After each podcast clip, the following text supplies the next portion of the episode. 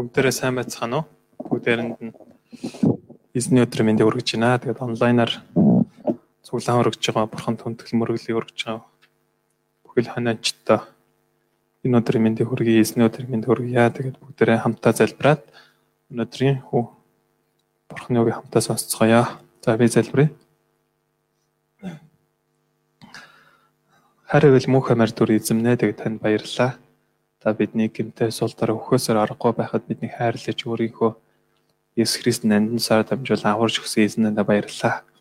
Өдөр бүр бид нар таны бидэнд үзүүлсэн хайр үйлийг санаж таны өмнө бидэнд үзүүлсэн дээр дуудлага, ивэлний өвс нэгрийг өдөр бол санаж амьдрахад тулж өгөөч юм танаас хичээн болонгооч байна.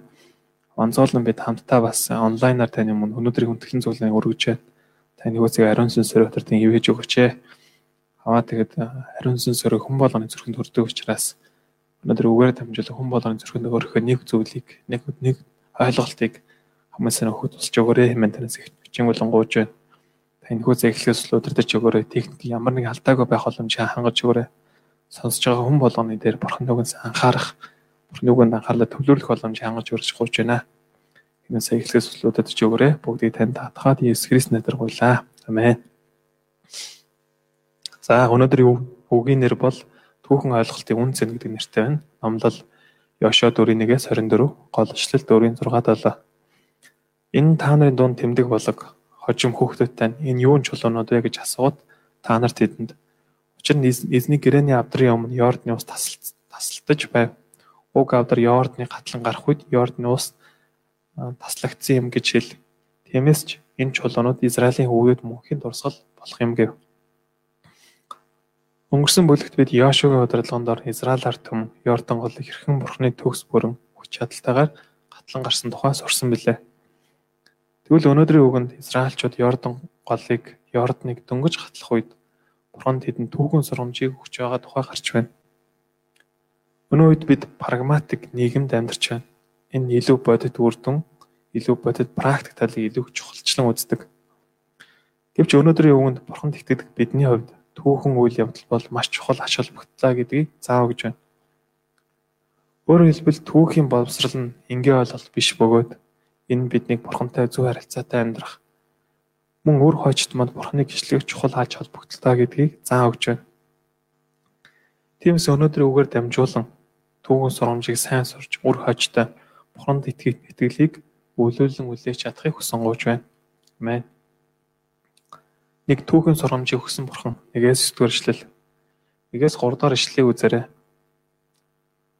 Ингээд үндэстэн бүхлээрээ Йордны гаталт дуусахад эзэн Йошуатай яран хог тус бүрээс нэг хүн буюу ард түмнээс нийт 12 хүн авч Йордны тэхид дундаас дахилс нарын хөл бат зогсож буй газраас өөртөө 12 чулуу авч өргөж зогсоод энэ шүн өргөж зөөгөөд энэ шүн хоноглох газраа авч тавь гэж тэдэнд тушаагтун гэжээ. Йошуагаар удирдуулсан бүх ард түмэн Йордан голоор гаталсны дараа Бурхан Йошуад Уг тус бүрийн 12 хүнээр Йордан голд дахиж нарын хөл бат зогсч буй тэр газараас 12 чулуу авчрахыг тушаасан. Уг нь Йордан голыг Йошуа болоод Израиль ард түмэн гаталж буй энэ хөл үйл явдал нь түүхэн тэмдэглэвчтэй мөч байсан. Магадгүй ард түмэн бүхлээр энэ хүү үйл явдлыг тэмдэглэлт баяр болон хийхийг хүссэн байх магадгүй амрах цагийг ч гэсэн бодож байж магадгүй. Гэтэл бурхан Израильчуудыг баяр тэмдэглэх юм амраалгүй. Яагаад 12 жил авчир гэсэн тушаалыг өгч байна вэ? Учир нь гэвэл энэ бол бурхан Израильчуудад төдөөгүй тэдний үр үр хүүхдүүдэд түүхэн соромжийг өгөхийн тулд байсан юм. Ойролцоогоор 40 гаруй жилийн өмнө Израиль ард түмэн улаан тэнгисийг Мосегийн удирдлагаар гаталж байсан. Тэд бурханы онцгой хүч чадал бай гайхамшиг амьдралдаа амссан. Гэвч тэд цүлд бодит асуудалтай нүүр тулах үед бурханд байн гомдлож байв. Тэд уух ус байхгүй, эсвэл идэх зүйл байхгүй. Явх зам нь харагдахгүй эсвэл эсвэл мах идмээр санагдах гих мэт хүнд хэцүү амьдралын бодит асуудалтай нүүр тулах үед нүүр тулах бүрт Аараа Мосе нарт гомдлж байсан. Тэдний гомдол ба эсэргүүцэл нь Бурхны эсрэг болсон байв. Уг нь Израильчууд Египтийн болчоос өөрсдийн чөлөөсөн Бурхан талархаж тунд алруу магтаалыг өргөх ёстой байв. Гэвч тэд бурхны хөтлөн дагуулж буй замд үргэлж зүр сэтгэлтэй гомдол ба хөрлийн сэтгэлээр дүүрэн байсан. Тэд уг нь Египтээс чөлөөлөгдөхөд 10 гамшигыг үзэж улаан тэнгисийг гатлах үед Бурхны гайхамшиг хайр ба ивэлийг амьдралдаа боддоор амсаж байсан. Гэвч цүлд бод амьдралын асуудлуудад нүүр тулах үед Бурхан гайн байн гомдлож байв. Яагаад тэрвэ? Тэдний ийм болсон өмнө нүүлсэн Бурханы хайр ивэл ба гайхамшиг мартаг байсантай шууд холбоотой юм. Үүнийг өөрөөр хэлбэл тэд түүхээ эргэн санаагүй бөгөөд түүхийн сургамж түүхийн сургамжийг автахгүй байсантай холбоотой. Тэд өөрсдөд нь үйлсэн Бурханы түүхийг бодит үйл үйл явдлуудыг санаж өнгөрсөнд хэрхэн тэднийг хамгаалж удирдах, ивэж ямар ч боломжгүй үед Бурхан хэрхэн тэдний төлөө гайхамшиг үйлдэж тулж байсныг сансан бол тэд гомдол ба охирлын сэтгэлээр дүүрэхгүй байх байсан. Тэгээд тэд зүйл тулгарх бүхий л хэцүү асуудлуудыг Бурхан дотор хамааснаар давангаар гарч чадах байв. Мөн тэд гомдлохоос илүү Бурханы өмнө үзүүлсэн үзүүлсэн түүхэн баримтад тулгуурлан бурхан түшиглэх ёстой байв. Гэвч бурханы хайр ивэл байх гайхамшиг марцсан учраас бурханд өрүүлж гомдлон эцтэй эмгэлтэйгээр зүйлд өгцгийсэн юм. Эндээс бид хүн өнгөрсөн бурханд миний төлөө хийсэн үйлцэн гайхамшигт хэвлэлүүдийг өөргөө санаж мартахгүй байх ёстой гэдгийг бид нар сурч болно. Гэмтээ бид хэрхэн оюутны онцноор дуудсан, оюутны амьдралыг хэрхэн удирдах өгсөн хуучин гэмтээ хүний мөн чанар Есүс дотор хэрхэн шийдэж өгсөн. Ажил мэргэжлийн талбарт хэрхэн удирдсан. Бурхан дотор миний гэр бүлийг, миний үр хүүхдүүд хэрхэн зөвшөөрч өгсөн. Халиа амьдралын хүнд хэцүү боломжтой нөхцөлд Бурхан хэрхэн гайхамшиг үлдэж ивэж өнөөдрийг хүртэл удирдах өгсөн бэ гэдэг зүйлийг марталгүй санах хэрэгтэй.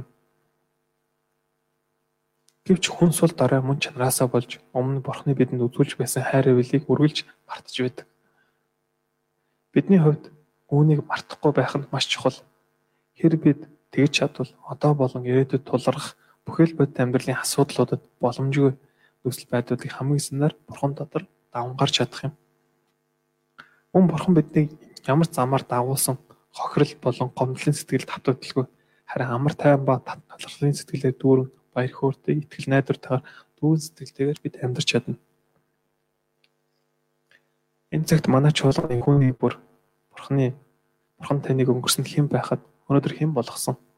Мөн таны төлөө өнөөдрийн хүртэл ямар гайхамшиг эмээ ивэлүүдийг үзүүлсэн гэдгийг яг удаа санаарай.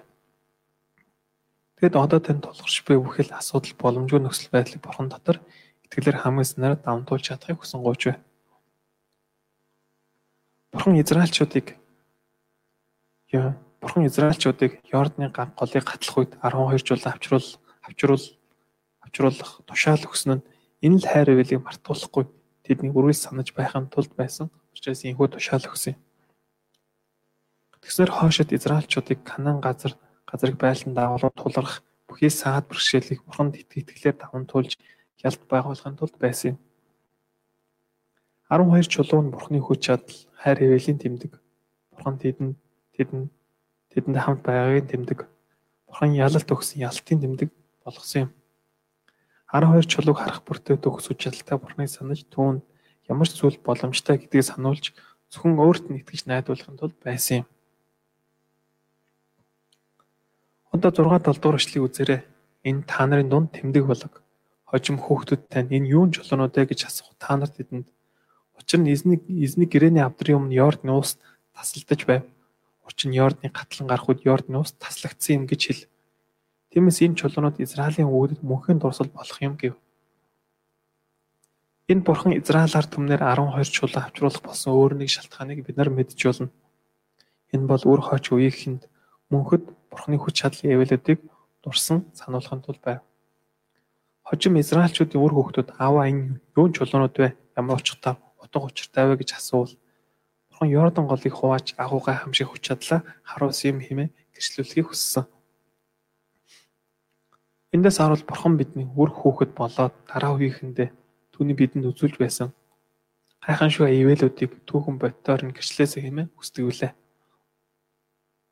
Өөрөөр хэлбэл бурханы бидний амьдралд үзүүлсэн түүхэн бодит үйл явдлаар дамжуулан үр хөөхд болон дараа үеийнх нь түүнийг гэрчилж бурханд итгэлийг заагаасаа хэмээн хүсдэг үлээ. Энэ цагт манай чуулганы хүн нэг бүр бурханы танд үзүүлсэн түүхэн бодит үйл явдал ба гэрчлэлүүдээр дамжуулан Бүр хүүхэд ба хойч үеийн үеийнхэн залуус Бурхныг зөв үннээр гिचиж чадахыг хүсэн гооч байна. Тэгснээр манай чуулганд тавигдсан алсын харба дуудлыг дараа үеийнхэнд үйлүүлэн үлдээж чадахыг хүсэнгуйч байна. Хоёрдугаар хэсэг эцээ хүртэл дуулахад дагсан тагч нар 10-аас 18 дахь эшлэл. Одоо 10-аас 18 дахь эшлэлийг үзээрэй. 10-аас 18 дахь эшлэлийг үзвэл тагч тагч нар Израиль ард түмний хончны хувьд эцээ хүртэл үүрээ хэрхэн биелүүлж байгаа тухайн гарч байна. 15-аас 18 дахь эшлэл инх хэлсэн байна. Эзэн Йошуад гिचлийн одрыг дамсан тагч нар Йордоноос гарч ирэхийг тушаа гэж айлдав. Тэгэхэд нь Йошуа тагч нар Йордоноос гарч ир гэж тушаалаа. Эзний гэрэний адрыг дамсан тагч нар Йордан тэхэн дундаас гарч иж тагч нарын хөлийн ул хуурай газарт хүрэх үед Йордны ус хуучин хэмдээ орж урдын шиг бүрэн бүрэн эргээ хайлан урсваа гэж байна. Эзний гэрэний авдрыг дамнасан тагч нар Йордны тэхэд дундаас гарч ирэн тэдний хөлийн ул хуурай газарт хүрэх үед Йордны ус хууч хэвэнд орж урдын шигэ бүх эргээ халин урссан. Йордан гол руу хамгийн ихэнд итгэлээр хөлөө төрсөн хүмүүс бол Бурхны авдрыг дамнан явсан тагч нар юм. Мөн Йордан галаас хамгийн сүлд гарч ирсэн хүмүүс бол мөн л тагч нар. Бүх Израиль ард түмэн голыг гаталж дараа нь 12 чулуун аваад гар хүртэл бат зогсоор байсан хүмүүс мөн л тагч нар. Магадгүй тагч нар бүх израилчуудыг израилчууд голыг гаталж дуусны дараа араас нь ард түмний дагаад гарч ирэх нь зүй ясны хэрэг байсан. Гэвч өдөртөгч өдөртөгч Йошуагийн тушаалыг хүлээ хүлээж голын дунд бат зогсоор байсан.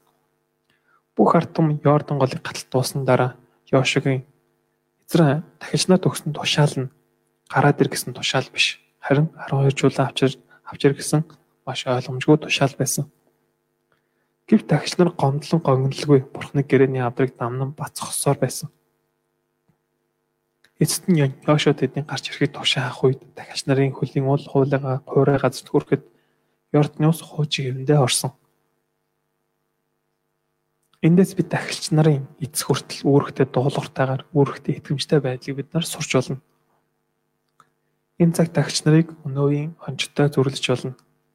Хончид бид эхлээд бурханд бүрэн түрэн итгэж Йордан гол руу хөлөө итгэлээр дүүрэх хэрэгтэй. Тэгэд бурханы хэрхэн ажиллахыг төвчээр тэгэр хүлээх хэрэгтэй.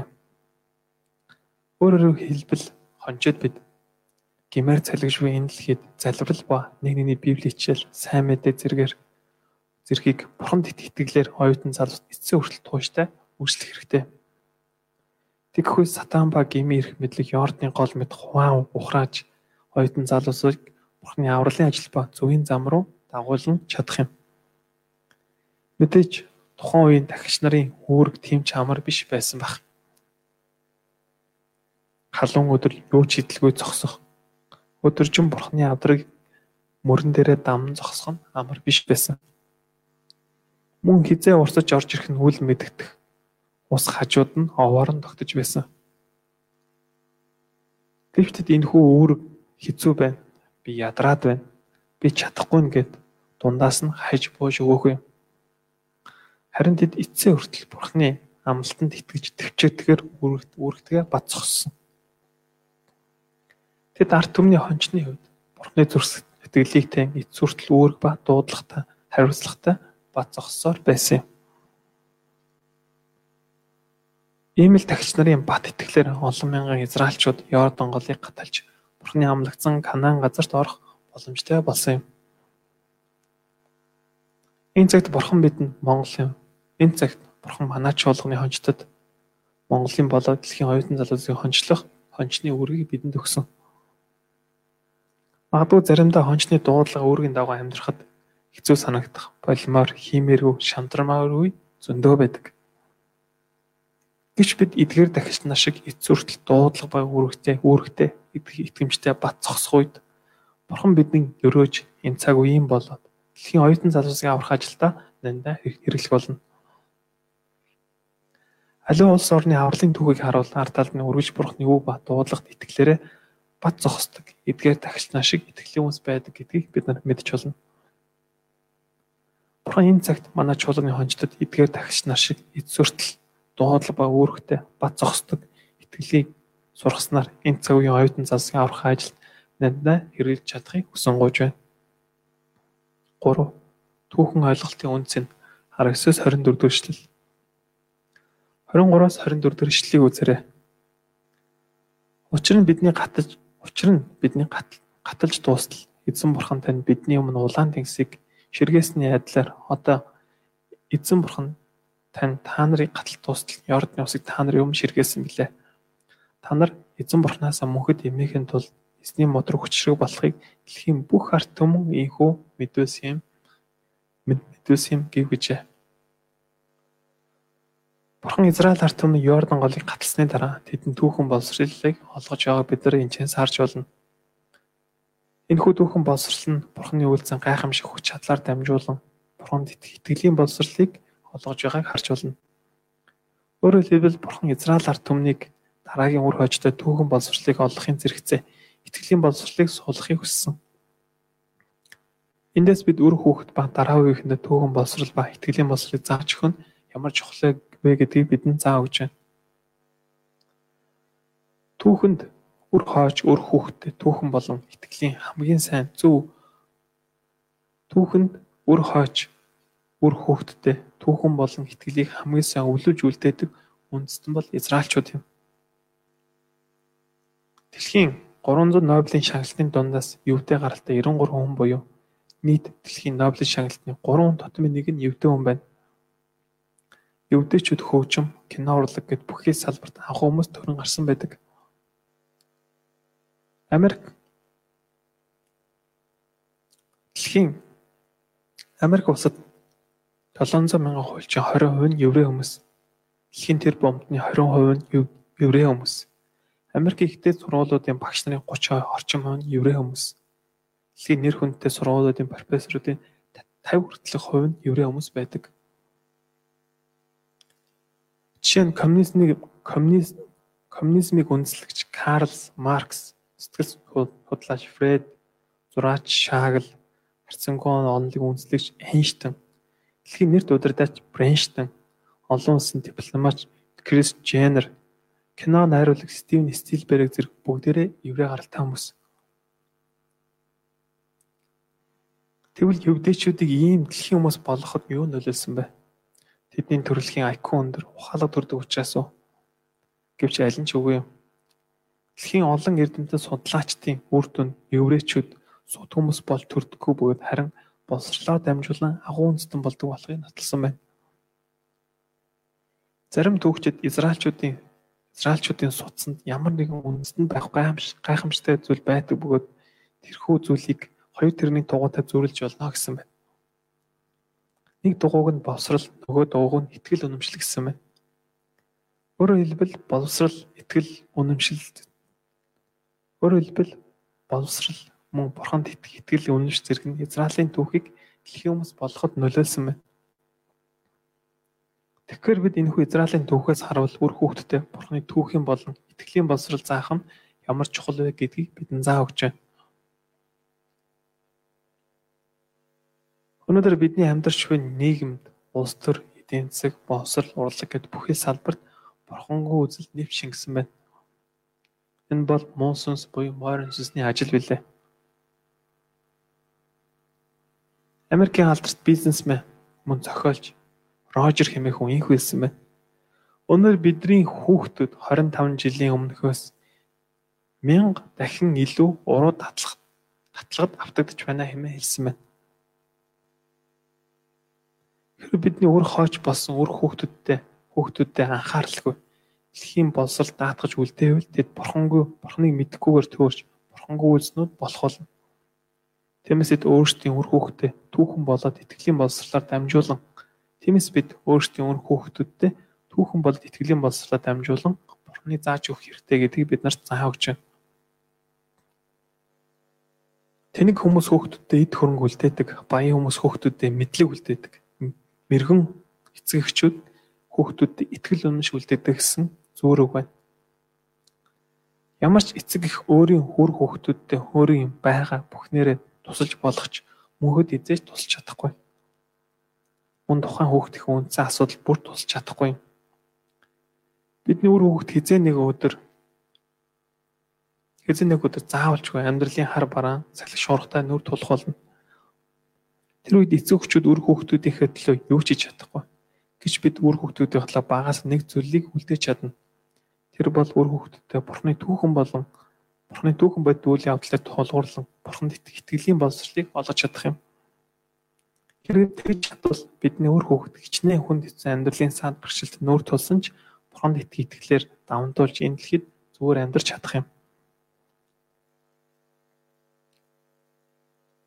Дэлхийн олон эрдэмтнүүд судлаад хүүхдүүд хамгийн сайн багш бол эцэгчүүд бөгөөд хамгийн сайн боловсрал холгодог газар бол гэр бүлийн орчин гэдгийг нотолсон байна.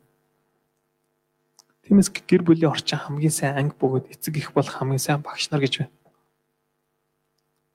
Ямар ч хүүхэд алхам тутамд эцэг ихэд зан чанар, амьдралын хэв маяг, үзэл бодол, яриа, үг үйлдэл, итгэл үнэмш зэрэгээр дамжуулан амьдралын бүх зүйлийг сурч эцэг ихсээ шууд үлгэд уриал авч байдаг. Тиймээс гэр бүлийн орчноор дамжуулан бид үр хүүхдүүдтэй бурханд итгэх итгэлийг сургах боломжтой юм. Бурхан манай шалгалд онцгой нэгэн явдлыг өгсөн өгсөн итгэлийн гэр бүл юм. Эцэг эхчүүд хоёулаа Библийн багш хончид нэг дуудлага, нэг алсын арга, нэг итгэлийн суурьаар хүмүүжсэн. Тиймээс манай чулууны гэр бүл хончид хүүхдүүдтэй бусд хүүхдүүдийг бодвол, бусад гэр бүлүүдийг бодвол Бурханы түүхэн болоод итгэлийн боловсролыг олгож чадах, олгол олгож итгэлийн боловсролыг олж авах хамгийн боломжтой хүүхдүүд бол манай гэр бүлийн хүүхдүүд юм гэр бүл хончтын үг үйлдэл, яриа, зан чанар, амьдралын хэв маяг, итгэл үнэмшил өдөр тутмын амьдралаар дамжуулан тэд Бурхныг сурах бүрэн боломжтой. Тиймээс манай чуулганы гэр бүл хончид хичнээн хичээнгүй өөр хөөхтүүдийн хөдлөө залбирч итгэлээр Библийг зааснараа Бурхны түүхэн болон итгэлийн боловсролыг бүрэн ойлгуулж чадахыг хүсэн гуйж байна. Тэгснээрээ бидний үр хөөхд Бурханд итгэж Бурхан Бурхны ажилд амьтнаа хэрэгжилж чадахыг хүсэн гуйж байна. Бурхан өнөөдрийн хүртэл манай чуулганд итгэлийн олон гэр бүлийг босгож өгж байгаа талархаж байна. Өнгөрсөн баяр ирээдүйд бас бүхэл итгэлийн гэр бүлүүдэд дамжуулан дараачийн үр хойчтой Бурхан Бурханы бидэнд өгсөн дуудлага ба хасын хараг дараагийн үеийнхэнд зөөр өдөлж чадахыг хүсэн гуйж байна. Дүгнэлт. Өнөөдөр Бурхан биднийг зөвхөн ерөөллийг амсан тухай үед амьдрах биш харин өнгөрсөнд болсон Бурхан түүхэн ойлголтыг байнга санаж үр хойчтойгоо төлөө амьдраас хэмээн өгсдөг. Энэ өнөөдөр миний үйлдэж байгаа үг ба үйлдэл амьдралыг үр жимсэн миний доод үе үр хойчт маань шууд нөлөөлж байдаг. Тиймээс бид бүхэл талаараа үлгэл дуурайлалтай амьдрах хэрэгтэй. Өдөр бүр Бурхын түүхэн үзэл бодолтой байснараа үр хойчтой итгэлийн боловсролыг зааж Бурхын дуудлага ба алсын харааг дараа үеийнхэндээ өвлүүлж чадахыг хүсэн гуйж байна. Амен. За би гол ишлэгийг уншиж өгье. Гол ишлэл Жошуа 4:6-7. Энэ та нарын нүн тэмдэг болго хожим хүүхдүүдтэй энэ юун чулуунууд вэ гэж асуугаад та нарт эдэнд учир нь эзний гэрээний авдрын өмнө Йордны ус тасалдаж байв. Хүүг авдар Йордны гатлан гарах үед Йордны ус таслагдсан гэж хэл. Тиймээс энэ чулуунууд Израилийн хүүгдэд мөнхийн урс болох юм а гэв. Амен. За би залбирая.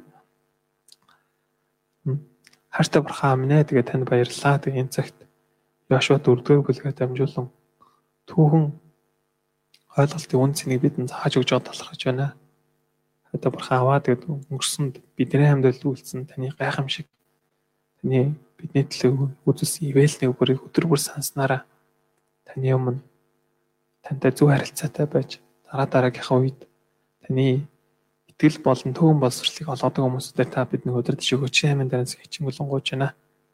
Хартай бурхан аваа тэгээд та өнөөдрийн бүлэгт гарсан дахич нар шиг бид нар дуудлага болсон болон алсын харанд эцээ хүртэл бат зогсдог Тэр хүмүүсүүдээр та бидний өсгөж өгөөрэй.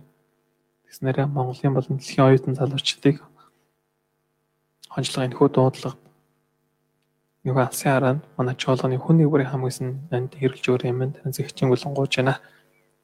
Зэмнэ тэгээ та манай чуулганы гэр бүл ханчтай хамтаж бидэнд хариуцуулж ус өөр хүүхдүүдэд түүхэн болон итгэлийн итгэлийг гэр бүлийн орчноор дамжуулан сайн сургаж ойлгуулж өвлүүлж чадхад тусалж өгөх хэмээн таньс хичээн болонгууж байна. Энэ хүсээ өгснөд баярлалаа. Бүх зүйлийг танд даатахад таны хайртай хөө бидний царийн ганц аврагч шигдсэн Есүс Христэнд дараагуулаа. Амен. За баярлалаа.